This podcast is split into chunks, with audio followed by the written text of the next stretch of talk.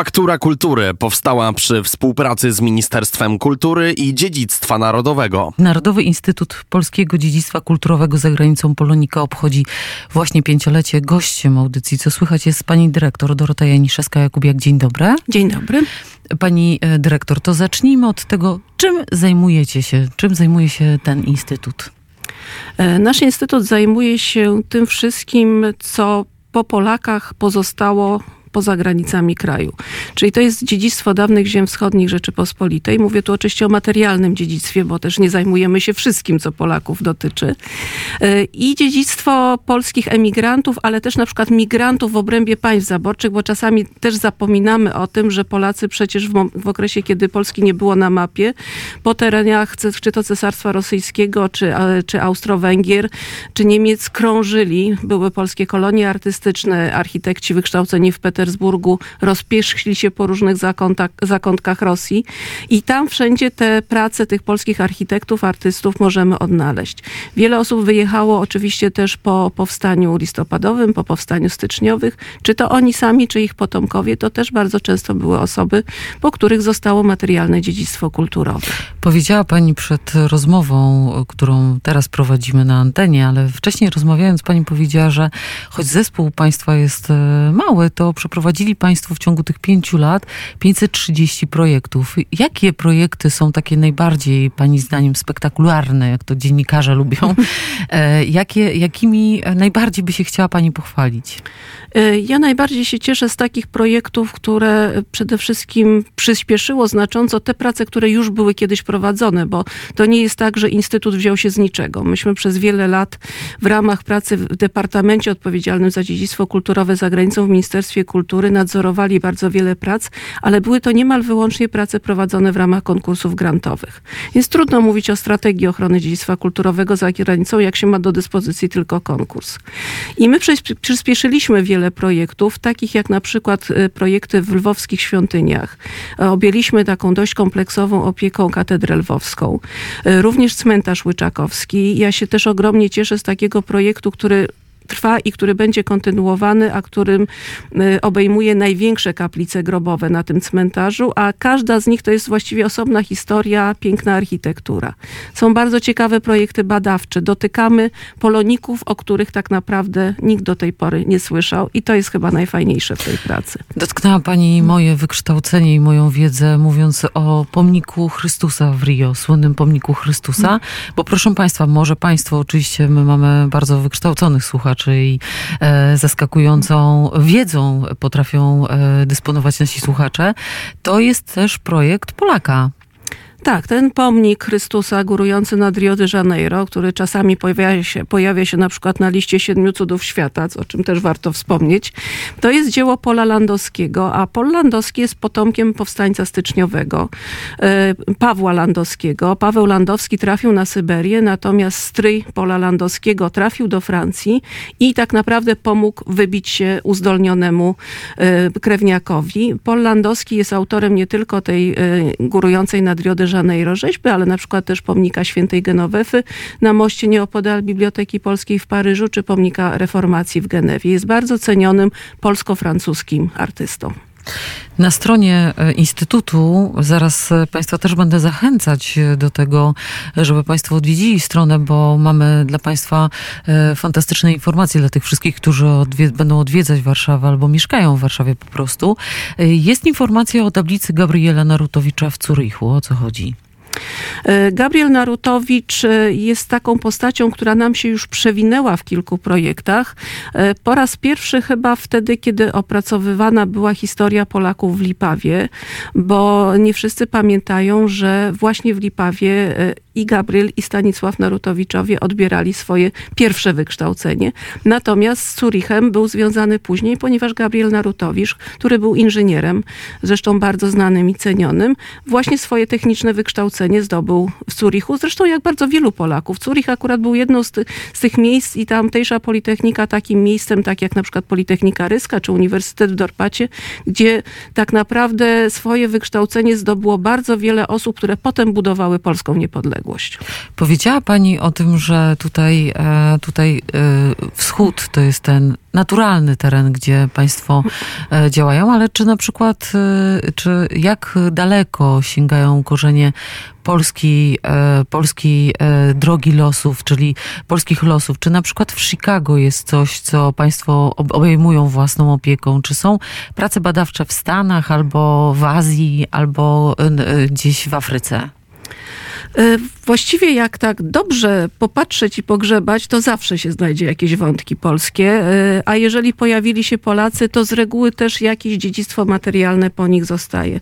Czasem jest tak, że jest to dziedzictwo takie jak cmentarze chociażby i takiego dziedzictwa na przykład trochę mamy choćby na terenie Afryki, bo to jest spadek po losach Polaków w okresie II wojny światowej i te miejsca w tej chwili są pod opieką naszych wolontariuszy, harcerzy, którzy tam co roku jeżdżą i odnawiają i porządkują te cmentarze afrykańskie. Natomiast Chicago jest jednym z tych miast, gdzie Polonii i Polaków było najwięcej. To była ogromna grupa. To były też fundacje kościelne, to było tworzenie bardzo wielu instytucji kultury i to było utworzenie jednego z największych do dziś etnicznych muzeów, czyli Muzeum Polskiego w Ameryce w Chicago, z którym jako Instytut Polonika jesteśmy związani już od roku 2018, czyli właściwie od początku naszej działalności i systematycznie prowadzimy prace konserwatorskie obiektów z tamtejszej kolekcji, która w dużej części pochodzi z Wielkiej Wystawy Światowej e, która miała miejsce w 1939 roku. Wybuchła wojna, większość eksponatów pozostała na terenie Stanów Zjednoczonych, tak jak na przykład obrazy Łukaszowców, które niedawno wróciły, ale akurat nie z Chicago, tylko z Syracuse, bo one w inne miejsce trafiły. Teraz e, jesteśmy w takiej sytuacji, kiedy trwa wojna na Ukrainie i e, mamy, mamy e, taką sytuację, że te stosunki dyplomatyczne, a praca historyków państwa, praca jest oparta głównie przecież o dyplomację i o współpracę. Jak pani zdaniem będzie wyglądać na przestrzeni kolejnych lat współpraca z Rosją, Białorusią i tymi terenami, które były już w jakiś stopniu otwarte pewnie na współpracę z nami? Y, trzeba pamiętać, że zarówno rosyjskie archiwa, zwłaszcza petersburskie, moskiewskie, tak samo archiwum na przykład w Mińsku czy, czy archiwa w Grodnie, to są archiwa, bez których nie da się pisać polskiej historii. I ja mam bardzo poważne obawy co do tego, y, na ile uda nam się kontynuować tak zwane badania wschodnie. Myślę, że dotyczy to nie tylko historyków sztuki, bo w takim samym albo pewnie większym nawet stopniu będzie to dotyczyło historyków. Y, z powodu zniszczeń wojennych na terenie Ukrainy będzie też zapewne ograniczony dostęp y, do wielu miejsc na terenie Ukrainy. No szczęśliwie ta najbardziej nas interesująca część pod względem badawczym, czyli Ukraina Zachodnia, w niewielkim stopniu ucierpiała i mam nadzieję, że, że, że, że, tak, ta, że tak zostanie. Y, no niemniej jednak y, ataki na infrastrukturę krytyczną powodują też to, że instytucje takie jak archiwa, biblioteki czy muzea nie mogą działać w sposób normalny i naturalny. Odbudowa kraju też będzie kosztować.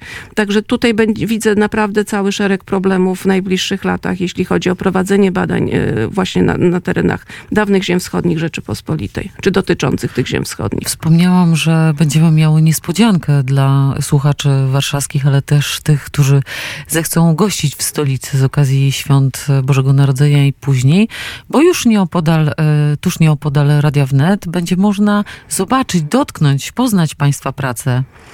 Tak, ponieważ e, w tym roku 18 grudnia mija 5 lat naszej działalności, postanowiliśmy trochę to uczcić, trochę podsumować, a trochę się też pochwalić, bo tych projektów naprawdę jest dużo, są bardzo różnorodne, ale też trochę pokazują, jak ciągle mało wiemy o tym polskim dziedzictwie kulturowym za granicą i jak naprawdę warto by ten element pojawił się w edukacji dzieci, młodzieży i jak bardzo są to sprawy interesujące. Zapraszamy na wystawę Podróż w nieznane z Instytutem Polonika ona stanie na krakowskim przedmieściu 66 przed budynkiem Narodowego Instytutu y, Dziedzictwa i Kultury Wsi, a wewnątrz, w środku y, tegoż instytutu, w sali będzie wystawa, która będzie częściowo wystawą multimedialną. Y, tam będzie miejsce też i dla dzieci, i dla młodzieży po nowym roku będzie to też miejsce warsztatów i spotkań e, z naszymi współpracownikami, także bardzo serdecznie zapraszam.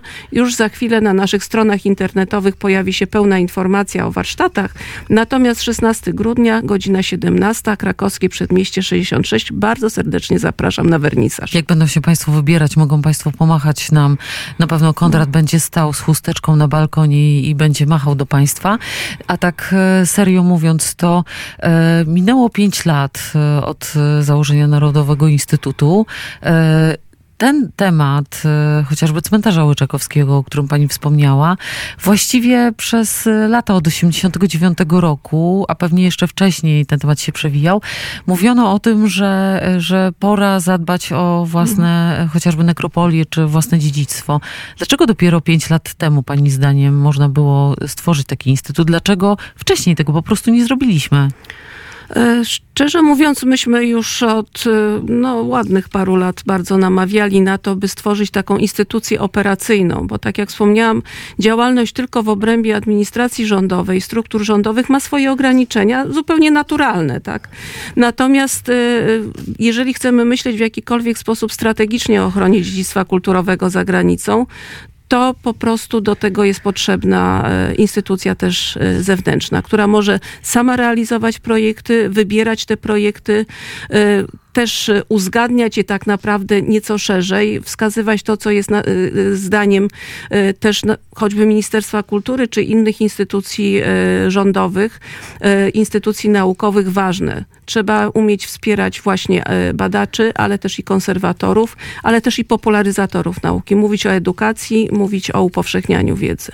Ciężko było przekonać e, profesora, premiera e, Piotra Glińskiego do stworzenia Narodowego Instytutu? Y, Do pewnego stopnia ciężko, ponieważ się to odbywało w drodze na Popa Iwana w Czarnochorze, a pan premier jest osobą bardzo wysportowaną, w związku z tym, nie wiem czy mogę tak powiedzieć, ale biegł jak hart. To wiadomo, widzieliśmy w Parku Skaryszewskim wielokrotnie biegającego premiera jeszcze w starych czasach. W związku z tym łatwo nie było, ale, ale dał się bardzo szybko przekonać i to mnie ogromnie cieszy. Zresztą sam miał okazję być w Lwowie i jakby na miejscu zrozumiał, y, jak, je- z jakimi problemami tak naprawdę my się borykamy w momencie, kiedy mamy do dyspozycji tylko program grantowy, który jest konkursem i w zależności od tego, jacy beneficjenci składają wnioski, to tak wygląda strategia ochrony dziedzictwa kulturowego za granicą, a jednak chyba nam nie o to chodziło. Po pięciu latach e, ma pani doświadczenie, już e, ma pani e, instytucję, która może realizować to, o czym państwo myśleli w ramach ministerstwa. To jakie są plany? Co, co państwo zamierzają jeszcze zrobić? Jakie są marzenia też państwa w instytucie? E, No, o marzeniach to można by naprawdę długo, bo jest bardzo wiele takich miejsc, do których chcielibyśmy dotrzeć i pod względem badawczym, i też pro, przeprowadzić projekty konserwatorskie. Na pewno e, wyzwaniem będzie w przyszłości praca na Ukrainie e, z tego względu, że no, Ukraina będzie się borykała z odbudową kraju, a jak to w takich sytuacjach bywa, kultura z reguły jest poszkodowana w, takich, w takim momencie, więc też liczymy się z tym, że pewnie trzeba będzie się trochę mocniej jednak na Ukrainie zaangażować, jeżeli dalej chcemy chronić dziedzictwo kulturowe, bo nie zawsze się to uda przy współfinansowaniu strony ukraińskiej. E, Do tego bardzo byśmy się chcieli otworzyć bardziej na projekty na terenie e, czy to Stanów Zjednoczonych, czy Ameryki Południowej i do tego już też pierwsze przymiarki mamy. E, W Stanach Zjednoczonych chcielibyśmy kontynuować między innymi projekt który obejmuje parafie i kościoły polskie, ponieważ to są obiekty, które zaczynają znikać. Z prawie tysiąca parafii polskich zostało niewiele ponad 300. Część świątyń zostaje przekazywana e, e, innym wspólnotom, a czasami niestety e, są rozbierane. I to jest tak naprawdę ostatni moment, by jeszcze tę historię uchwycić. To ja bardzo serdecznie dziękuję i trzymam kciuki i życzę powodzenia. Gościem audycji Co Słychać była dyrektor e, Narodowego Instytutu Polskiego Dziedzictwa Kulturowego za granicą Polonika. Tak nazywa się ta wspaniała instytucja. Dorota Janiszewska-Jakubiak była gościem audycji Co Słychać. Pięknie dziękuję. Dziękuję bardzo. Faktura Kultury powstała przy współpracy z Ministerstwem Kultury i Dziedzictwa Narodowego.